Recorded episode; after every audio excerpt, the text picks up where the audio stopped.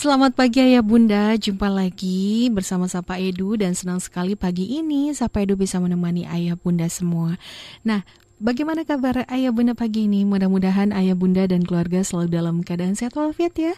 Dan pastinya nggak lupa juga nih ayah bunda dan keluarga terus terapkan protokol kesehatan ya setiap harinya dengan memakai masker, menjaga jarak, mencuci tangan, menghindari kerumunan dan juga membatasi mobilitas. Patuhi 5M ini jika kita sayang diri sendiri dan juga keluarga.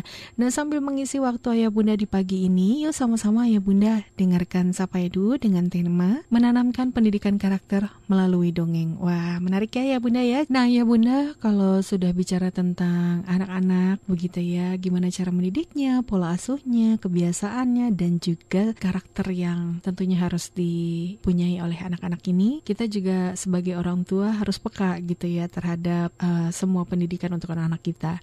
Nah, begitu pentingnya membangun karakter bagi generasi bangsa. Jadi, pendidikan karakter akan mampu membentuk generasi bangsa yang bermartabat pastinya. Karena yang membedakan Indonesia dengan bangsa lain adalah karakter Indonesia sebagai bangsa timur.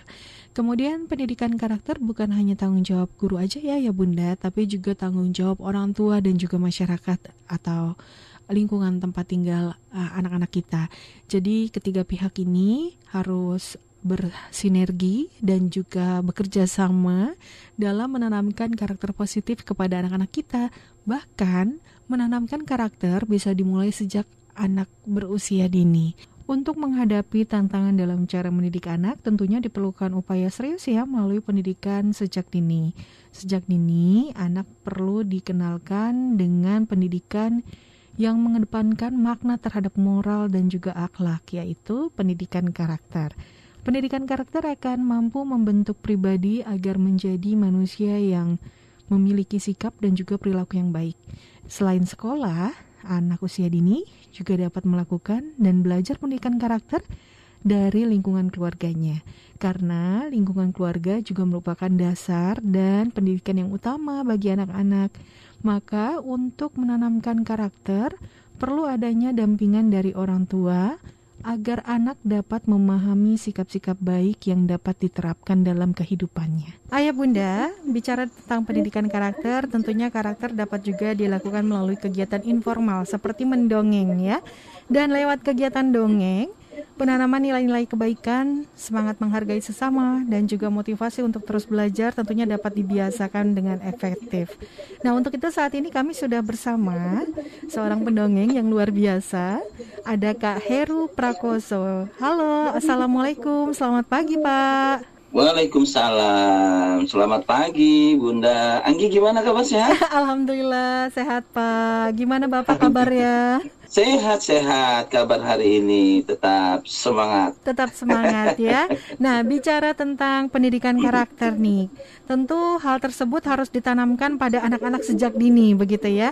Nah, agar tentunya anak-anak kita uh, bisa memahami sikap-sikap baik dalam kehidupannya, tentunya ayah bunda juga harus um, mengajarkan anak atau membiasakan anak gitu ya tentang yang namanya dongeng nih ayah bunda karena anak-anak itu kan uh, prinsipnya belajar sambil bermain begitu ya. Jadi tentunya untuk mengenalkan uh, pendidikan karakter bisa melalui dongeng.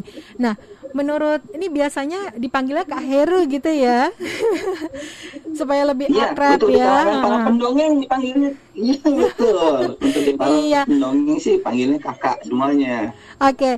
Nah, Uh, Kak Heru, apa nih pendapat kakak terkait dengan tema kita pada hari ini, menanamkan pendidikan karakter melalui dongeng? Silakan. Iya, terima kasih ini untuk saya menyapa dulu nih buat iya, sahabat-sahabat ya yang ada sekarang sedang memantau ya. acara kita nih. Ya, mudah-mudahan nanti terlibat langsung nih. Iya, silakan. Aktif ya, ikutan. Nah, ya. Uh, jadi gini, uh, berkaitan dengan uh, tema kita hari ini ya, hmm. kan pendidikan uh, karakter melalui hmm. mendongeng gitu ya, hmm. menanamkan pendidikan karakter melalui mendongeng. Mm -hmm. uh, yang pertama sih mungkin berkaitan dengan karakter yang sekarang ini kan uh, kita mm -hmm. sedang mengalami sebetulnya apa ya uh, degradasi krisis uh, karakter. Betul nggak sih? Setuju nggak? Betul, setuju. ya, karena kan uh, pengaruh globalisasi, Betul. teknologi yang canggih, hmm. informasi begitu cepat menerobos masuk sampai di tengah-tengah rumah kita, Betul. Sehingga uh, kita nggak sadar nih hmm. bahwa anak-anak kita ini akhirnya kesibukannya adalah di luar daripada memperkaya diri dengan uh, karakter. Betul. Tapi terlena dengan teknologi, bermain apa pun itu sehingga waktu terbuang dan akhirnya orang tua pun uh, tanda kutip agak lalai. Hmm. Nah, ini dia. Hmm. Maka terjadilah uh, krisis di sini, hmm. uh, degradasi moral. Nah, dari itu uh, penting sih pembelajaran yang disampaikan oleh guru atau uh, kita lah yang uh, non formal ini mm-hmm. uh, memberikan uh, asupan-asupan gizi moral lah gitu ya supaya dia kembali kuat gitu yeah. supaya nanti uh, apa pun yang dia uh, lakukan pada saat ini nih uh, sudah menjadi uh, imun ya sudah kebal. Mm-hmm. Nah, nah jadi tugas kita adalah ya ya para pendidik ya orang tua kita juga kan berarti mm-hmm. terus juga nah ini komunitas sekarang ini sudah mulai menjamur nih yang peduli akan uh, karakter yeah. tentang karakter moral ini tentang bangsa ini mm-hmm. uh, ya maksudnya tentang Indonesia ini juga mereka pada peduli nih mm-hmm. teman-teman nih mm-hmm. para pendongeng mm-hmm.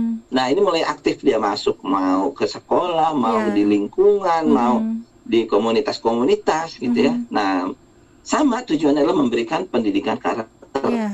Nah, jadi tanggung jawab kita bersama. Nah, hmm. jadi ada yang paling penting sih memang tiga komponen tadi tuh ya hmm. orang tua, terus juga guru, hmm. terus juga lingkungan. Lingkungan. Hmm. Nah ini ya jadi kita ini salah satunya yang berperan pada lingkungan. Yeah.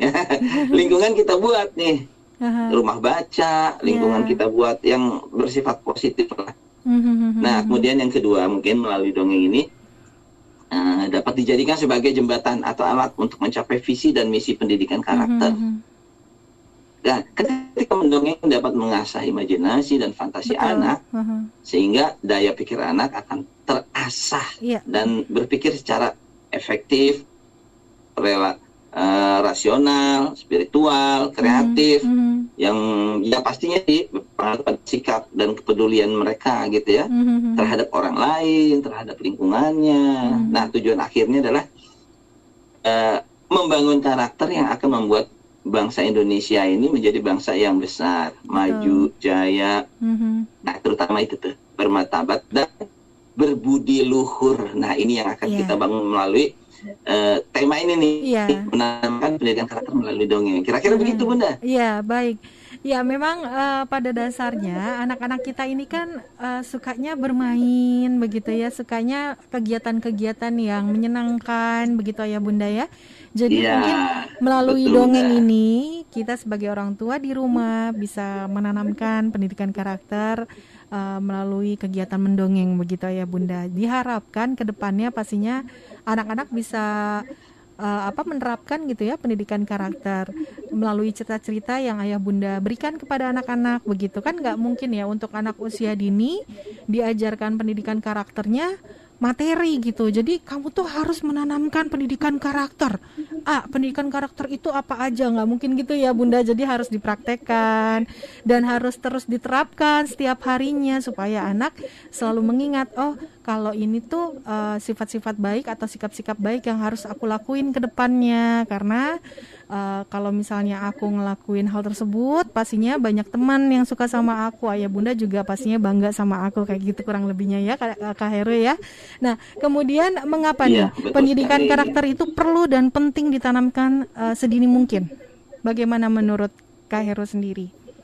Silakan Wah, ini pasti kalau Bunda, Bunda-bunda udah tahu nih. Aha. Kenapa sih usia dini itu memang uh, saat-saatnya kita harus mulai dari uh, usia dini itu masa kemasan golden age yeah. ya istilahnya 03 46 hmm. nah ini kan perubahan-perubahan yang sangat cepat dan membentuk Betul. karakter seperti apa kan gini nah, kita kenal dulu deh anak-anak itu apa kenapa usia dini gitu ya hmm. nah karakter anak-anak di masa uh, balita lah ya kita sebutnya gampang balita lah. Ya di balita ini kan masih nyata sekali nih karakternya, sifat-sifat uh, bawaannya. Contohnya misalkan anak-anak itu jujur, berani, hmm. terus uh, spontan, terus anak itu uh, unik, anak itu apalagi ya explore ya rasa ingin tahunya tinggi. Hmm. Nah berarti masa-masa perkembangan inilah saatnya kita membentuk nih. Nah kita mulai dari misalkan uh, pendidikan karakter diberikan diajarkan pada usia dini itu merupakan permulaan hmm. yang sangat tepat kalau menurut saya ya.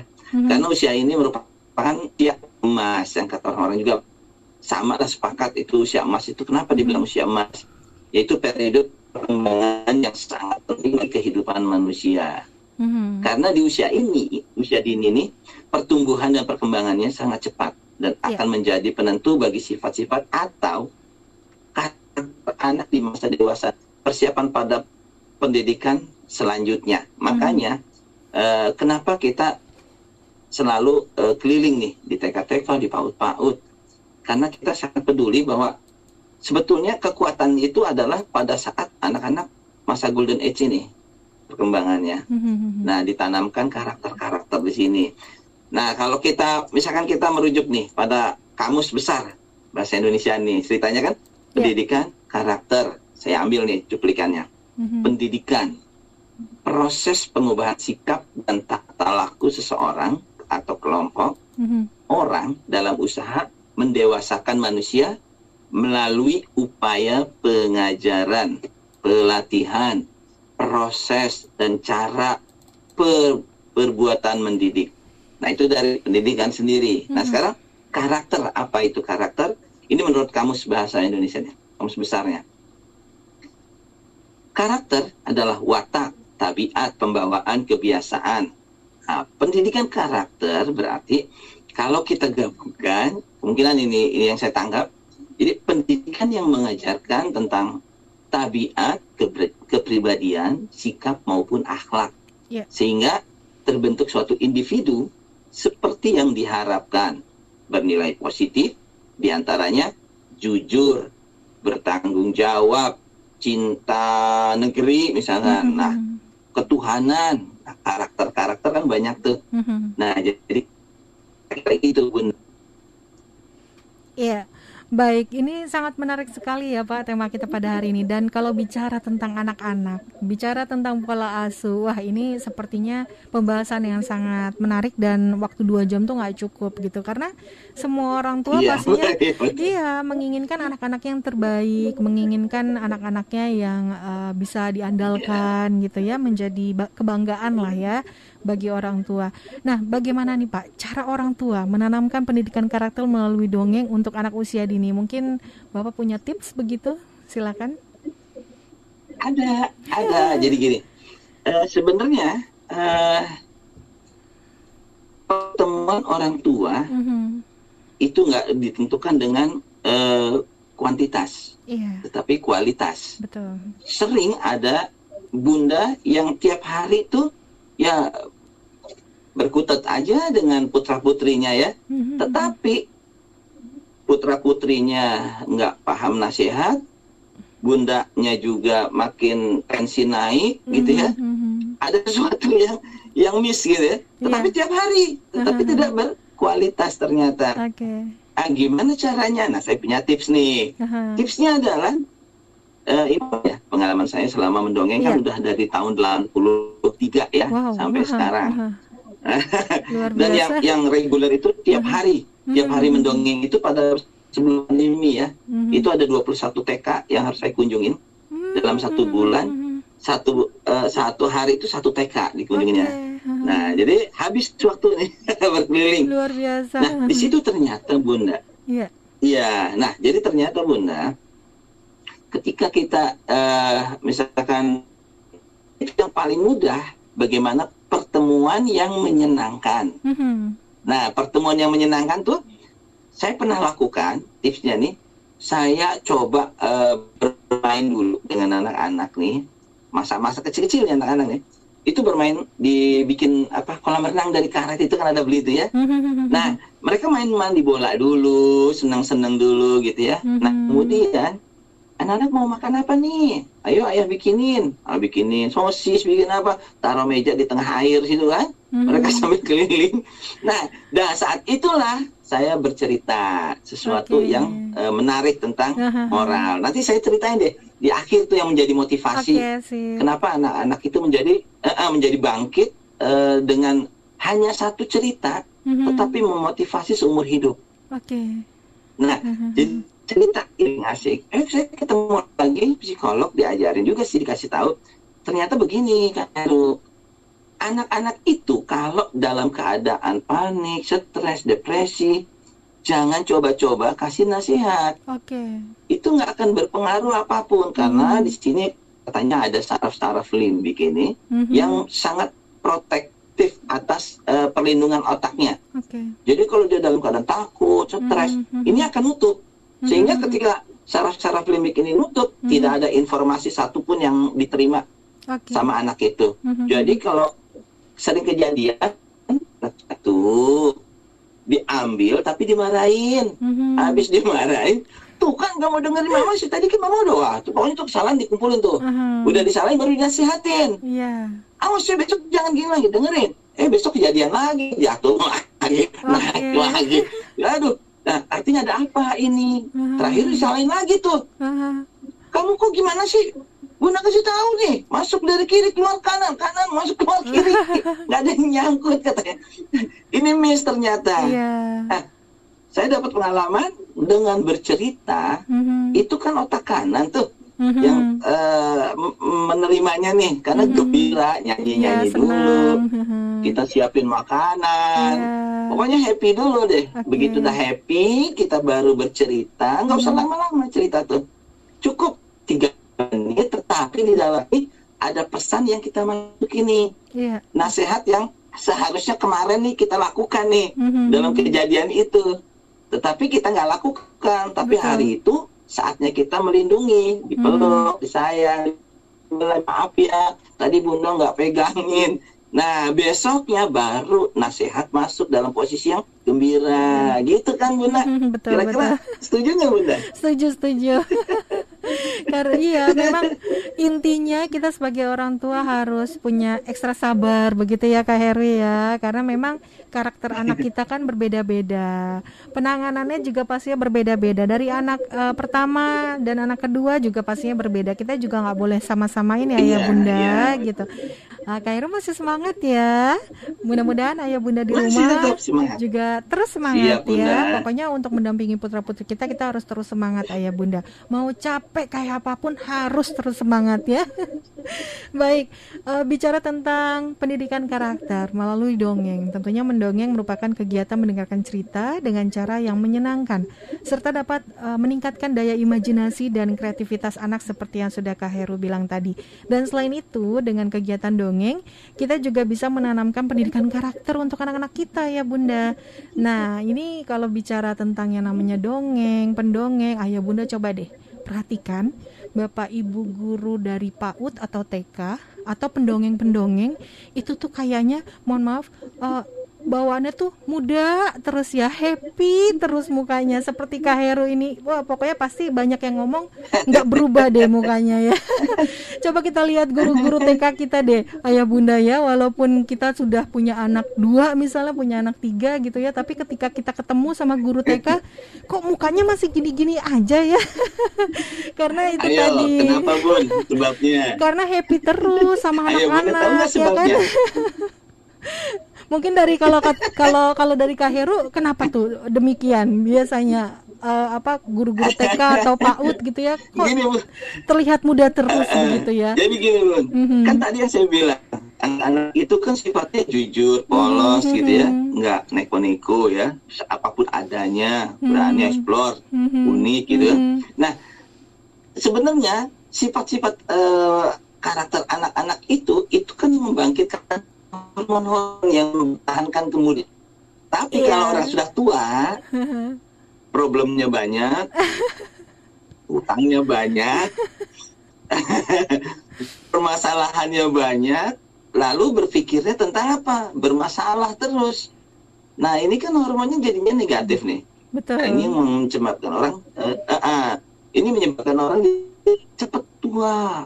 Mm-hmm. Saya udah 57 loh. Tuh, nggak kelihatan loh Kak Heru ya.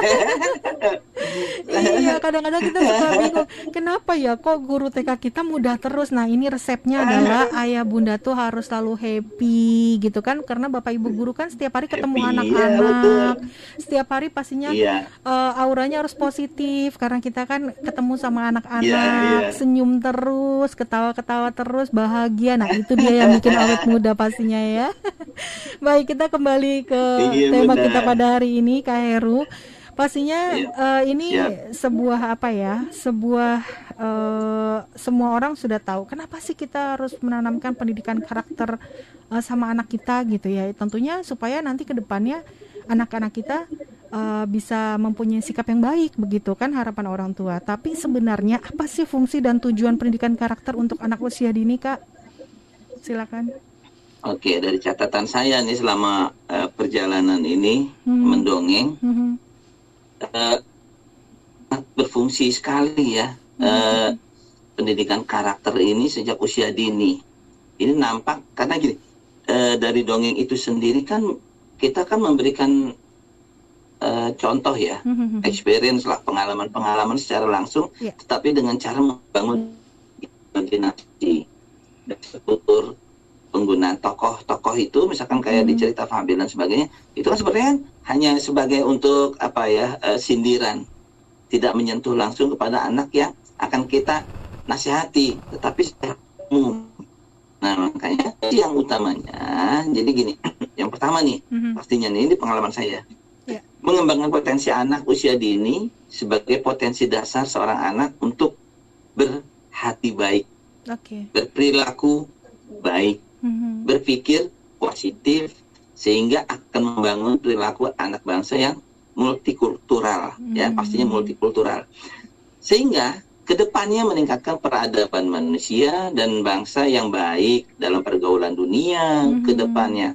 dan dukungan-dukungan positif dari lingkungan terdekat hmm. dengan orang tua, guru, masyarakat bahkan ini bagaimana bijak dalam menggunakan teknologi yeah. yang memberikan unsur positif. Mm-hmm. Nah, jadi tujuan berikutnya eh, ke depannya, insya Allah akan membentuk suatu peradaban bangsa yang tangguh. Kalau anak-anak yeah. kita sejak usia dini sudah berkarakter, berakhlak mulia, bermoral, mempunyai toleransi, kerjasama, mm-hmm. serta etos nenek moyang kita dulu tuh ya etosnya yeah. kan mm-hmm. uh, gotong royong yang sudah mulai luntur nih. Mm-hmm. Nah ini juga harus kita bangkitkan lagi dengan bagaimana menanamkan uh, uh, sejak usia dini sehingga uh, dongeng ini uh, membangun karakter anak ini sangat berfungsi gitu ya mm-hmm. manfaatnya jelas lah gitu nah terus pembangunan lainnya jadi anak-anaknya lebih dinamis teknologi dan ilmu pengetahuan ini uh,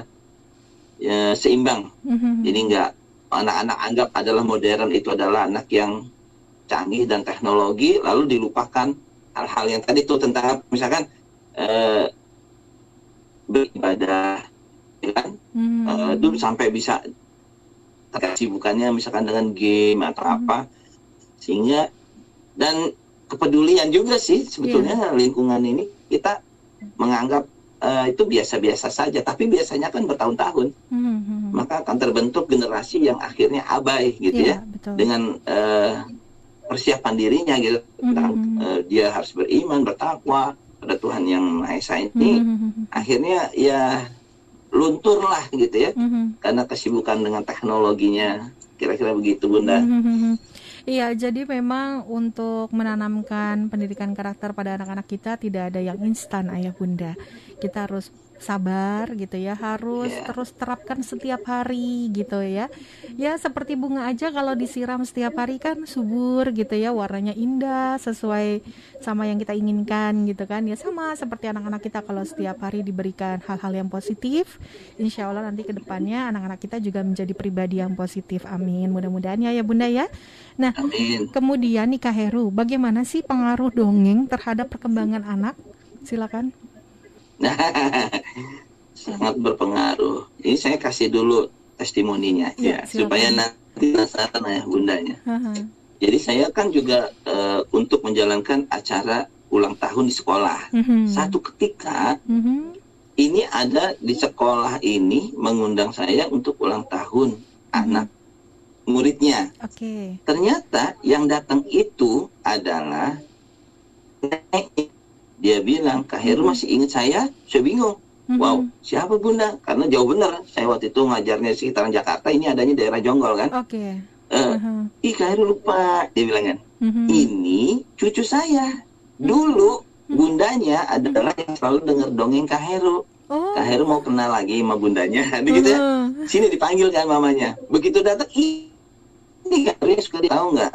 Gara-gara Kak Heru suka mendongeng, sekarang si bunda ini katanya Mhm. anak ini dulu jadi penulis Oke. di Australia dan Ah. dia sekarang banyak bukunya tentang karakter Mhm. dongengan karakter di Australia tapi Mhm, dia luar biasa. nah Aha. terus kenapa bisa begitu bun iya karena ternyata setiap kunjungan ke sekolah itu Mhm. setiap kali per- eh, saya datang itu Mhm. bundanya selalu tanya apa sih yang diceritain Kak Heru Oke. Aha. nah setelah dia mulai bisa menulis Mhm. bundanya selalu bilang tolong dong bunda kan kerja tulisin dong nanti bunda pulang nanti bunda baca. Dan akhirnya ternyata dampaknya dia jadi penulis nah jadi gini eh gimana sih cara orang tua menanam pendidikan karakter melalui dongeng Aha. pada anak usia ini ini salah satu testimoni yang ternyata iya ini melalui dongeng ini efektif sekali menanamkan karakter. Oke, kita mulai. Orang tua sebagai sosok pertama yang dilihat oleh anak dan hubungan yang paling dekat dengan anak. Mhm.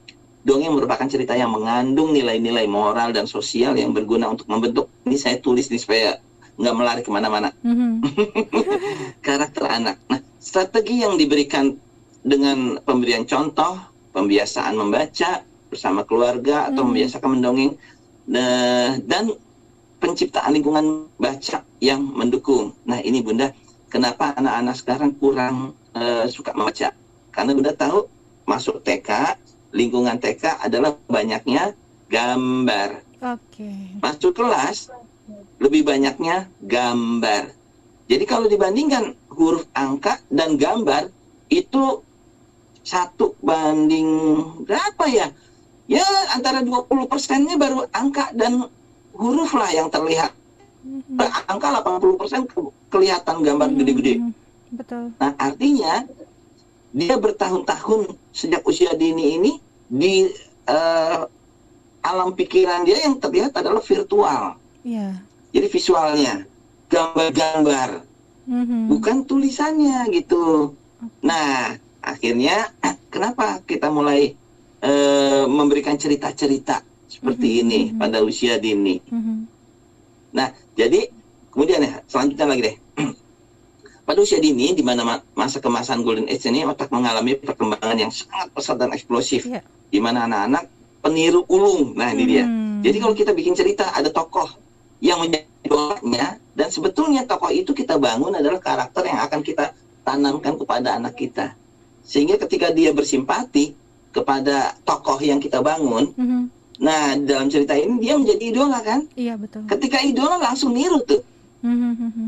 Nah, ketika niru dia akan aplikasi sehari-hariannya itu ya seperti biasa aja menurut dia sehingga bisa disuruh-suruh nggak usah diperintah karena dia sudah menan- eh, mendapatkan apa yang dia senengin. Mhm. Nah, terus anak mulai menirukan yang dilihat, didengar, dan dirasakan dari lingkungannya. Ini disebabkan eh, benar dan salah, baik dan buruk, serta pantas atau tidak pantas. Sehingga kita harus lebih hati-hati dalam memberikan contoh dan eh, berperilaku yang baik. Nah, jadi cerita yang kita bawakan gimana sih sebenarnya menanamkan karakter melalui dongeng untuk anak usia dini? Mhm. Yang termudah yaitu mulai pertama nih Mhm. Eh, kalau nggak bisa cerita bacain buku aja. Tapi jangan lama-lama jangan lama-lama pusing dikit-dikit tetapi itu akan nanti terbiasa lalu durasi itu mulai ditambahkan perlahan Oke. mungkin satu minggu nih cuman ya dua menit minggu kedua nih ya naikin tiga menit berikutnya naikin empat menit lama-lama satu cerita utuh. Okay. Dan itu bisa makan waktu sampai misalkan lima menit. Terbiasa mendengar, Mhm. lalu melihat perilaku bundanya membaca, biasanya kan anak niru tuh. Iya. Apalagi dia suka sama bunda caranya membaca tuh. Aha. Besok-besok dia baca sendiri, gentian setelah dia bisa baca. Dia yang baca, bunda yang dengerin. Oke. Dan cerita juga gitu sama. Aha. Bundanya cerita dulu, habis cerita pakai uh, media, Mhm. kemudian anak udah hafal kan? Diulang-ulang, kadang-kadang anak kalau senang kan diulang ya. Iya. Bunda cerita ini, kan udah kemarin. Kan ini udah, jangan dibilang udah. Cerita, tapi sisipan adegan lain di dalamnya masuk. Yaitu tentang karakter. Betul. Nggak apa-apa cerita yang sama gitu, tapi ada sisipan yang masuk di dalamnya. Nah kalau dia udah bisa, Mhm. bunda aku udah hafal nih, ah, gantian dong, kita eh, dongeng bareng yuk. Mhm. tiktokan gitu ya, tiktok tiktokan. Nah, habis tiktokan, nih. Maka kebiasaan ini membangun anak-anak untuk eh, berani berkata-kata, berani Hmm. bertutur. Mhm. Nah, ini kan kebiasaannya anak-anak sekarang kan pasif ya, Iya. lebih kepada Gadget. bermain gitu, diem. Iya. Nah, akhirnya yang terjadi apa, Bunda? Mengungkapkan sesuatu itu paling sulit. Mhm. Nah, kemarin saya sudah ngobrol-ngobrol sih sedikit sama temennya Bunda tuh. Heeh. Pak Endro ya. Saya bilang yuk kita bangun sama-sama yuk Hmm. kemampuan anak untuk meng- memperkuat kemampuan audionya. Mhm. Kita bikin sandiwara radionya, kita Iya. bikin segala acara-acara. Pokoknya Betul. radio anak menyimak. Mhm. Dan di sekolahan ada jam mendengarkan radio. Nah ini yang belum pernah. Iya. Sehingga kemampuan eh, audionya ini lebih terasa dan tajam. Mhm. Kenapa? Karena ketika kita kasih nasihat itu bentuknya apa? Audio atau visual? Mhm. Pasti audio. Tetapi audionya tidak terasa kemampuan anak-anaknya untuk audionya. Makanya bundanya bingung kan, nasihatin nggak mempan-mempan. Iya. Ngajarin nggak jadi-jadi gitu. Apa yang sebabnya? Ya karena kemampuan anaknya sendiri kan harus dibangun. Betul. Kekuatan untuk audionya ini bagaimana cara mendengar, rekam, masuk ke otak di aplikasi. Mhm. Tapi kalau biasanya gambar kan itu dia senang aja lihat gambar gitu. Mhm. Tetapi eh, informasi tentang kemampuan mendengar ini dengan audio ini masih eh, ya saya sih rasa kurang lah Iya. gitu. Setuju Iya, nggak Bunda? Yuk kita bikin setuju. Bunda. Iya setuju dan ini menarik sekali ya Bunda ya. Memang eh, harus seimbang begitu antara visual dan audio ya. Jadi supaya anak-anak juga bisa terbiasa menerima-nerima eh, nasihat dari orang tua gitu ya. Karena kan biasanya memang anak-anak itu kalau kita marah atau kita kasih tahu kayak nggak didengerin ya. kayak ini sebenarnya didengerin apa enggak sih gitu ya. Apalagi untuk untuk Iya. eh, anak-anak yang udah agak remaja ya Pak ya. Ini sebenarnya Bunda Iya. ini didengerin apa enggak sih kita nggak tahu gitu karena nggak ada ekspresinya juga gitu tapi kalau lihat visual anak-anak langsung kelihatan ya ekspresi mukanya gitu ekspresi dari matanya segala Iya. macam sangat menarik sekali nanti kapan-kapan ya mudah-mudahan terlaksana ya Pak rencana eh, Bapak Siap. gitu ya mudah-mudahan kita bisa membuat eh, semacam audio pembelajaran yang bisa disimak oleh eh, sekolah-sekolah begitu baik nah kemudian nih Pak bicara tentang manfaat dongeng, pastinya sangat banyak sekali. Kira-kira apa saja nih Pak manfaat jika orang tua mengenalkan dongeng sejak dini pada anak-anak? Silakan. Eh, yang yang pasti sih ya. eh, ini ini kita ambil dulu poin-poin aja. Hmm. Ketika eh, orang tua bertanya ngapain sih dongeng-dongengin anak segala gitu kan? Oke. Habis ngabisin waktu kan gitu ya. Apalagi untuk orang tua yang bekerja ya Pak ya. Iya. Jadi ini ini pengalaman pribadi lagi. Ada yang pernah dengar nggak anak usia tiga tahun menghafal nama presiden Oh. dari berbagai negara, nama pesawat, Mhm. nama menteri-menteri gitu kan? Pernah Pernah pernah. dengar waktu itu Ah, sempat ah. Viral ya? viral juga. Saya nggak sengaja itu ketika mendongeng, Mhm. ternyata itu salah satu murid saya di situ dan itu Mhm. ayahnya Mhm. langsung menghampiri saya. Mhm. Dia bilang Kak Heru, saya setuju dengan Kak Heru itu selalu keliling ke sekolah-sekolah untuk mendongeng. Mhm. Ini pengalaman dari eh, pribadi saya. Dia bilang nggak tahu Hmm. dokter loh bapaknya itu. Oke. Dia bilang gini, saya menguji cobakan kepada anak saya bagaimana mengembangkan kemampuan otak ini dalam merekam. Mhm. Ternyata dia mendongeng Mhm. itu cuma nggak lebih dari tiga menit, terus selalu memberikan satu tokoh di dalam dongengannya, Mhm. terus satu pesan moral di dalamnya menit sebelum tidur. Oke. Besok paginya ketika dia mengantarkan anaknya ke sekolah, di perjalanan ditanya tuh, Mhm. ada inget nggak tadi malam Hmm. ayah cerita ada namanya tuh, nama tokohnya yaitu presiden. Mhm. Ingat nggak siapa namanya? Disebut. Oh, Mhm. ternyata hafal. Kemudian besoknya ditambah satu lagi. Mhm. Besoknya tambah satu lagi ketika di hari keberapa eh, hanya dua yang tercatat, satu tertinggal. Oke. Ditambah satu masih turun. Mhm. Kemampuannya belum terbentuk katanya. Mhm. Kemampuan me- menyusun di eh, kepalanya ini belum terbentuk katanya. Mhm. Akhirnya ketika sudah eh, terbiasa memberikan tambahan satu-satu, Iya. kalau nggak berhasil tuh diulang lagi cerita yang sama, Oke. ditanya lagi. Nah, ketika dia dapat tiga-tiganya, tambah empat, tambah lima, tambah enam, dan akhirnya itulah yang membuat anak ternyata dia sudah mempersiapkan kantong-kantong di kepala ini. Oke. Apa ya? eh, kalau kata kita tuh kasih folder-foldernya dulu Aha. supaya ketika ada file masuk dia bisa nyimpen Aha. dan ketika membuka file dia tahu cara bukanya. Oke. saya baru tahu oh ternyata mendongeng itu seperti itu manfaatnya banyak nih Mhm. Ya, kemudian kemampuan bertutur Mhm. tadi saya udah ulas sedikit kemampuan bertutur Mhm. kenapa kok anak jadi bisa eh, berbicaranya tuh lancar dan lantang gitu ya Mhm. ternyata karena memang sudah terstruktur di kepala Iya, sudah bahwa kalau terbiasa. ngomong itu dia perlu ini tuh ada runtun awal dan akhir Oke.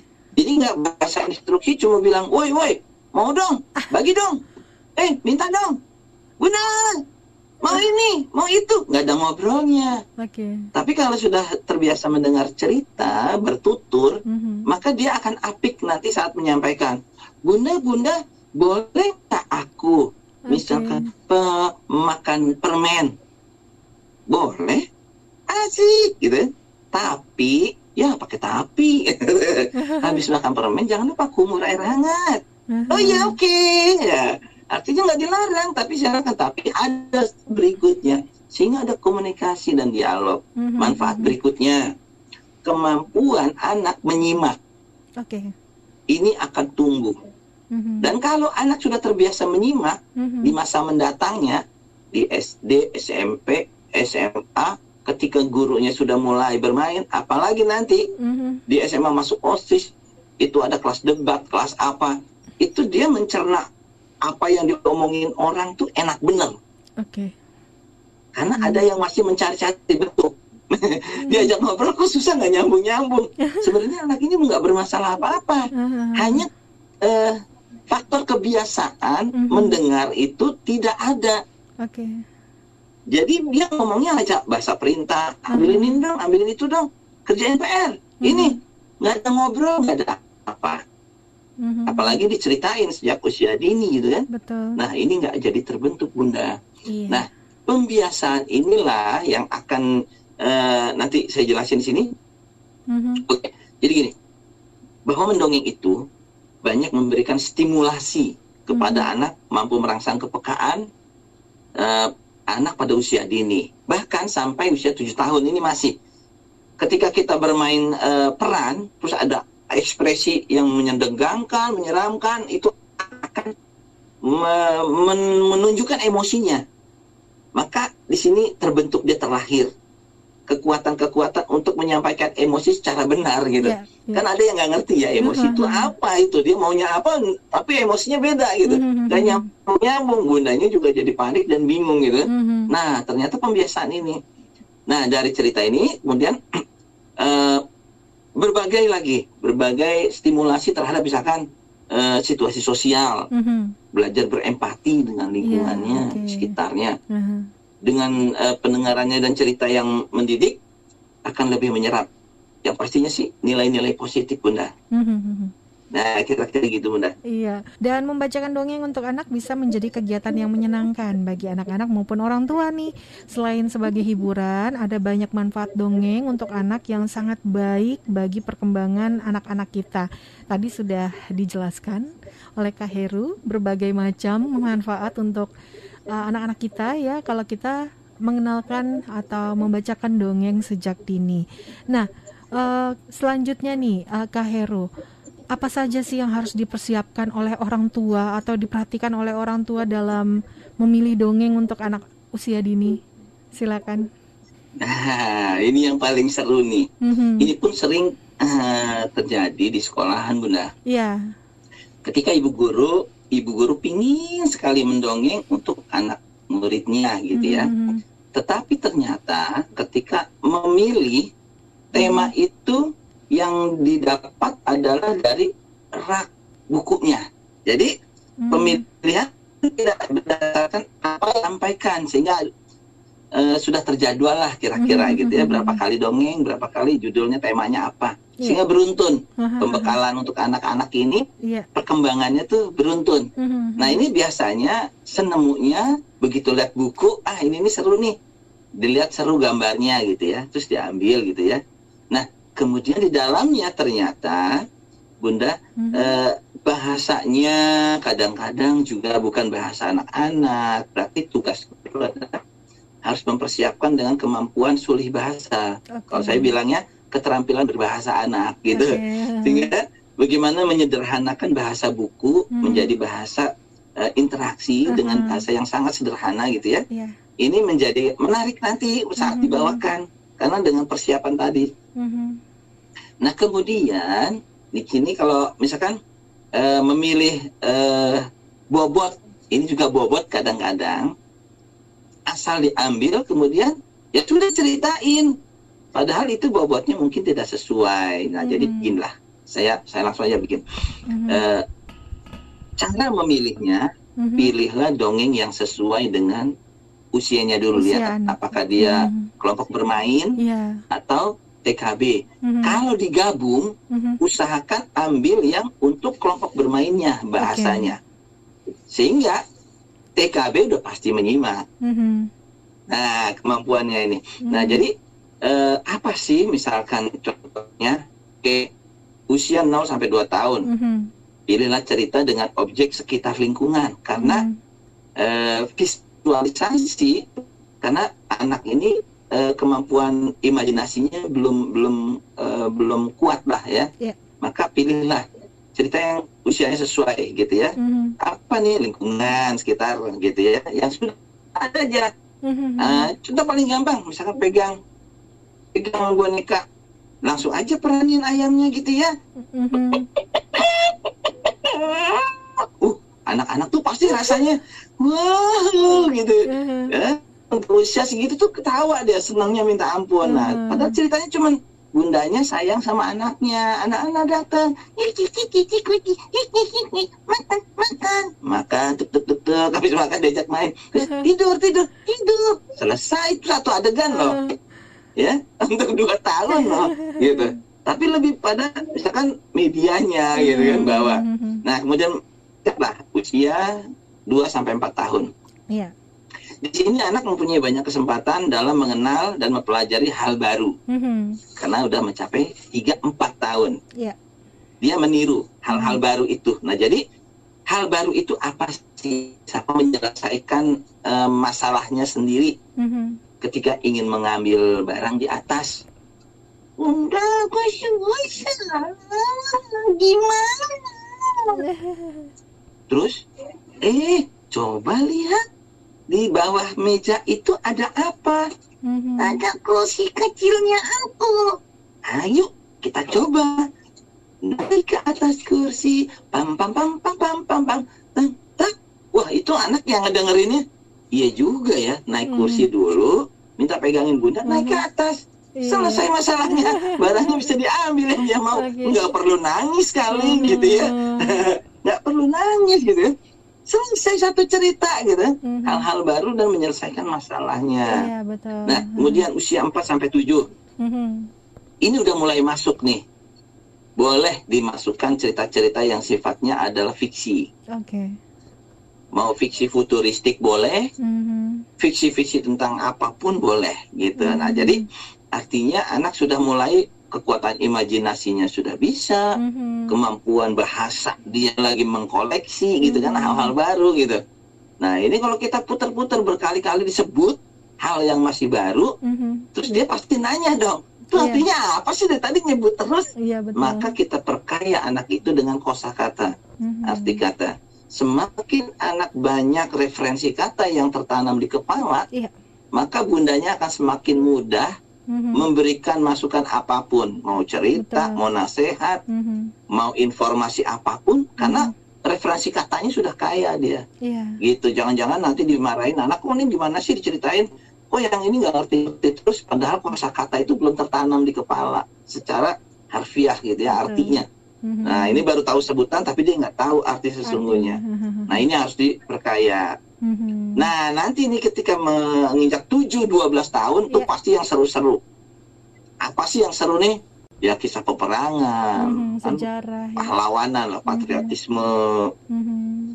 terus ya tentang daerah-daerah yang mm-hmm misalkan penuh misteri gitu misteri apa gitu mm-hmm. senang tuh anak-anak iya, karena dia sudah berpetualangi mencari hal-hal yang sifatnya lebih dalam gitu kan okay.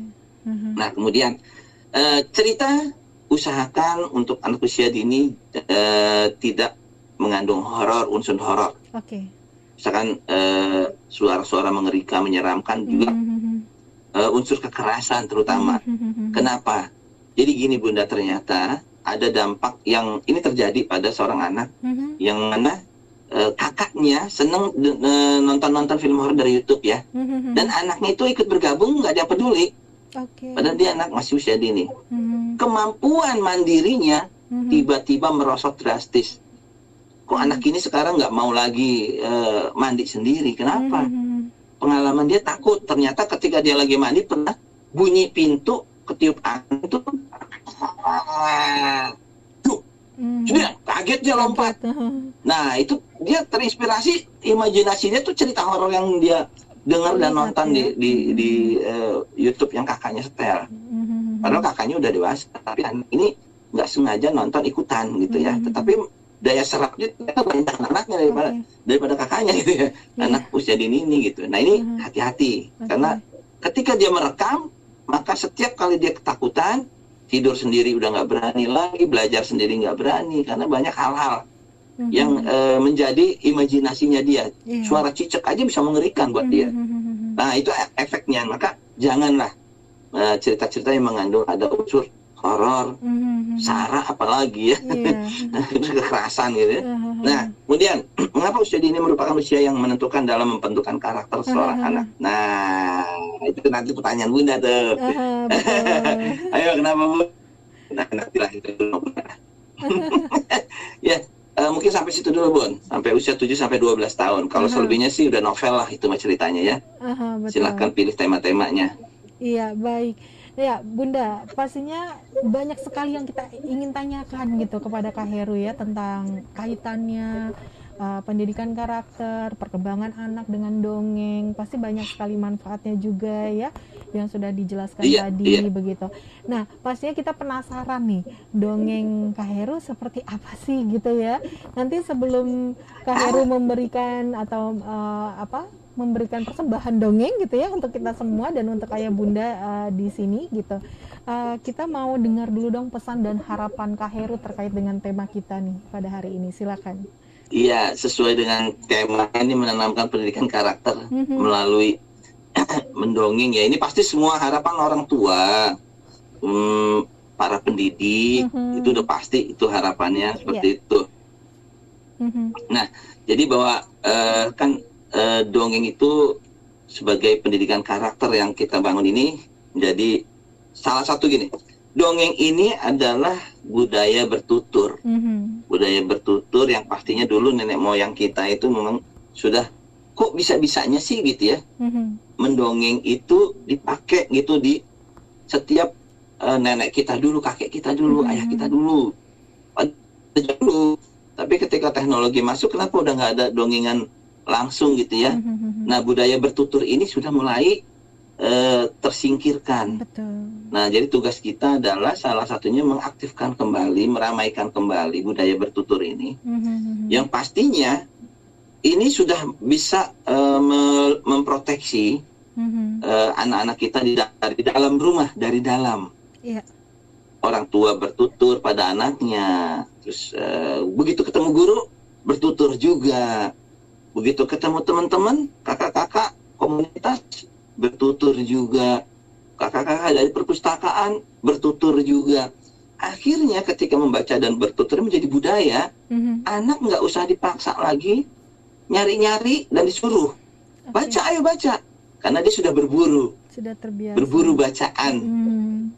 sudah terbiasa dengan lingkungannya jadi mm-hmm. uh, ya untuk pendongeng sih berharapnya ya hampir semua lah di komunitas mm-hmm. juga berharap bahwa orang tua bisa bersinergi dengan guru dan juga para pendongeng uh-huh. untuk menanamkan uh, karakter. Jadi kalau nanti ayah bunda nih di akhir ini sesi ini nanti uh-huh. ingin banyak bertanya dan ini bunda Anggit pasti tahu uh-huh. nih pendongeng ini hari ini sedang menyimak banyak benar. beberapa komunitas secara nasional saya udah share. Oh, gitu. Mereka siap kak, nyerbu semua katanya. Dia mau yeah. masuk nih. Okay. Kenapa? Karena memang yang dibutuhkan pendongeng sendiri adalah asupan asupan nutrisi yang bergizi tentang moral, etika, budi pekerti. Okay. Ini untuk uh, ya untuk bahan di, dari uh, mereka bercerita dan bertuturnya, uh-huh. gitu kak. Uh-huh. Nah, jadi bunda terakhir nih saya sih berharap eh, ya kita menjadi masyarakat yang hmm. madani lah ya, yang hmm. berdaya, berbudi luhur, yeah. punya karakter khas Indonesia, hmm. terus apalagi cinta eh, Indonesia hmm. gitu ya, secara hmm. utuh gitu ya. Dan sekarang Indonesia ini sudah tahu negaranya, hmm. dia tinggalnya, tapi di sebagai orang Indonesia sendiri kamu kayak apa bingung juga tuh neranginnya. kehilangan jati diri yeah. tentang Indonesianya aja. Uh-huh. Jadi mungkin kita ya, Bunda Anggi, uh-huh. kita yang bertanggung uh, jawab juga sih. Yeah. Ya kira-kira itu sajalah uh-huh. Bunda. Karena nanti kalau ceritain panjang jadi dongeng nih. ya baik. Harapan saya sih banyak. Uh, tentunya, Tapi ya sudah itu saja dulu. Ya, tentunya sebagai orang tua kita berharap yang terbaik untuk anak-anak kita ya ya Bunda ya. Kita ingin sekali anak-anak kita eh, mempunyai karakter-karakter yang baik sehingga nanti ke depannya bisa menjadi orang yang uh, positif juga dan tentunya membanggakan kedua orang tua. Penasaran banget ya, Kak Heru mau membawakan dongeng apa. Jadi langsung kita simak bersama. Silakan bisa langsung Kak Heru dengan dongengnya. Siap, terima kasih dua. Ini kayaknya saya dikasih kesempatan berdurasi dua dua malam. Oke, apa-apa. Bebas kalau untuk Kak Heru dong ya, apalagi uh, bisa Pak Edu. Iya. Oke. Okay. Silakan. Mungkin kalau yang bergabung lewat Iya, kalau bergabung lewat IG, mm -hmm. mungkin bisa lihat gambar ya, Bunda ya. Mm -hmm, betul atau cuma cuma audionya aja nih yang kita ini. Boleh bisa, dengan gambar bisa juga visual. saya akan pakai media nih. Ya silakan. Oke siap. Boleh. Buat teman-teman yang uh, mendengarkan saja hmm. ataupun uh, juga hmm. bergabung dengan live IG-nya hmm. dengan gambar saya mau hmm. coba. Tapi ini rupanya green screen nggak bisa berperan ya di sini. Di live IG biasa saya pakai zoom. Oke okay, saya akan coba uh, ini yang memotivasi anak-anak uh, uh, uh, pribadi saya secara ini keluarga saya ini juga uh, terbangun karena cerita ini dan mereka sekarang mandiri karena cerita ini. Nah, jadi gini, uh, kisah ini adalah kisah seekor kura-kura. Orang pasti tahu lah, kura-kura itu pasti nah, terus ya bawa rumahnya keberatan gitu kan. Nah dia ini selalu mengeluh dan menangis karena dia selalu melihat uh, temannya ini yang sibuk bekerja. Ada yang sibuk bekerjanya bisa mengangkat pohon, membersihkan hutan ini pohon-pohon tumbang dibersihkan. Nah ini uh, dia melihat si kura-kura pada pagi hari dia melihat itu Gajah hebat sekali. Bisa angkat pohon besar. tidak hebat. Aku bawa, bawa rumah aku aja keberatan. Tuh, jalannya aja aku sampai meleot meleot keberatan. Aku tidak hebat. Kura-kura selalu mengatakan tidak hebat. Dia melihat gajah benar-benar besar sekali. Gajahnya memang sibuk. Sampai gajah sendiri bingung loh melihat kura-kura kok pagi-pagi bangun tidur nangis. Wow, Hei, kamu kenapa menangis kura-kura? Aku tidak hebat. Loh, kok bisa bilang begitu? Tadi aku lihat gajah bisa angkat pohon besar. Aku bawa rumah keberatan. Aku tidak hebat. Oh, kura-kura, kamu kan berbeda dengan aku. Aku diciptakan Tuhan, punya badan yang besar dan bertenaga kuat. Kamu kan kura-kura, tidak sama sama aku. Jangan menangis ya. Ih, nangis lagi. Sudah, sudah, sudah. Jangan nangis ya. Aku mau bekerja lagi. Bum, bum, bum, bum. Aku tidak hebat. Iya, nangis lagi ya. Eh, rupanya gajah terus melakukan pekerjaannya menolong teman-temannya mengangkat pohon-pohon tumbang karena angin yang sangat besar. Kura-kura masih menangis. Eh, lihat lagi temannya yang bisa lari cepat.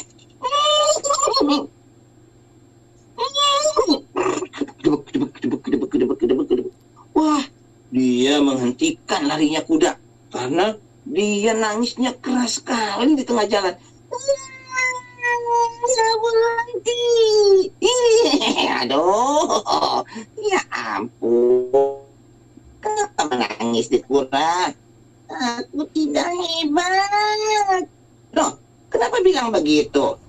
Tadi aku lihat kuda larinya cepat. Aku jalannya nih lihat nih. Neot, neot, neot. Ah, aku jalannya lambat. Aku tidak. Wah, sudah, sudah, sudah. Eh, kamu tuh bagaimana? Aku ini adalah kuda. Tuhan ciptakan aku punya kaki yang kuat untuk berlari. Tentu saja aku bisa lari cepat. Kamu kan kura-kura. Sudah ya, jangan nangis. Ya, nangis lagi. Gajah kuda melihat kura-kura menangis sepanjang hari. Satu ketika dia bertemu dengan temannya. Nah, temannya ini ternyata lagi main tiba-tiba angin bertiup kencang. Wush, wush, wush, wush. Dan akhirnya temannya ini jatuh ke sungai. Siapakah temannya? Oh, ternyata si ulat. Woi, tolong, aku tiup angin. Aduh, terbang, eh, terbang, eh, eh, belum punya sayap. Eh, masuk air, jebur. Dia masuk dan mulai tenggelam. tolong, tolong. ya ampun, dia teriak-teriak minta tolong. Gajah lari, bum, bum, bum, bum, bum. Dia tiup trompetnya. Wow, siapa itu yang masuk ke dalam air? Hei, kamu, ulat kenapa? Eh, aku tenggelam, tolongin dulu. Waduh, gimana aku menolongnya? Kalau aku masuk ke air, aku pasti tenggelam juga. Badanku kan terlalu berat. aku tidak bisa menolongmu. Maaf ya. Tolong. Ih, gajah malah lari minta tolong lagi. Ternyata, teman-teman, yang berlari berikutnya adalah kuda. Wah, itu dia di sungai. Hei, kamu kenapa, ulat? Tolongin, aku masuk ke air. Nggak bisa berenang. Ah, tunggu, tunggu. Aku punya ekor yang panjang. Ayo, tangkap aku. Hei, dilihat dong kalau nolongin. Aku kan hanyut nih. Eh, eh, hanyut. Eh, ke bawah air. Aduh, gimana nih? Kejar ah. Wah, kuda berusaha mengejar tetapi tidak bisa menolong juga. Kuda akhirnya panik. Dia lari ke sana sini. Tolong! Aduh, siapa yang bisa menolong nih? Kasihan si ulat nih tenggelam. ember, ember. Waduh, minum airnya sudah banyak tuh ember-ember lagi. Gimana ini? Wah, eh dia bertemu sama kura-kura. Kura-kura mendengar kabar dari kuda kalau ada yang tenggelam di sungai. Kura-kura langsung melompat ke air. Saatnya berenang. Jebur. Asyik berenang cepat. Tolong.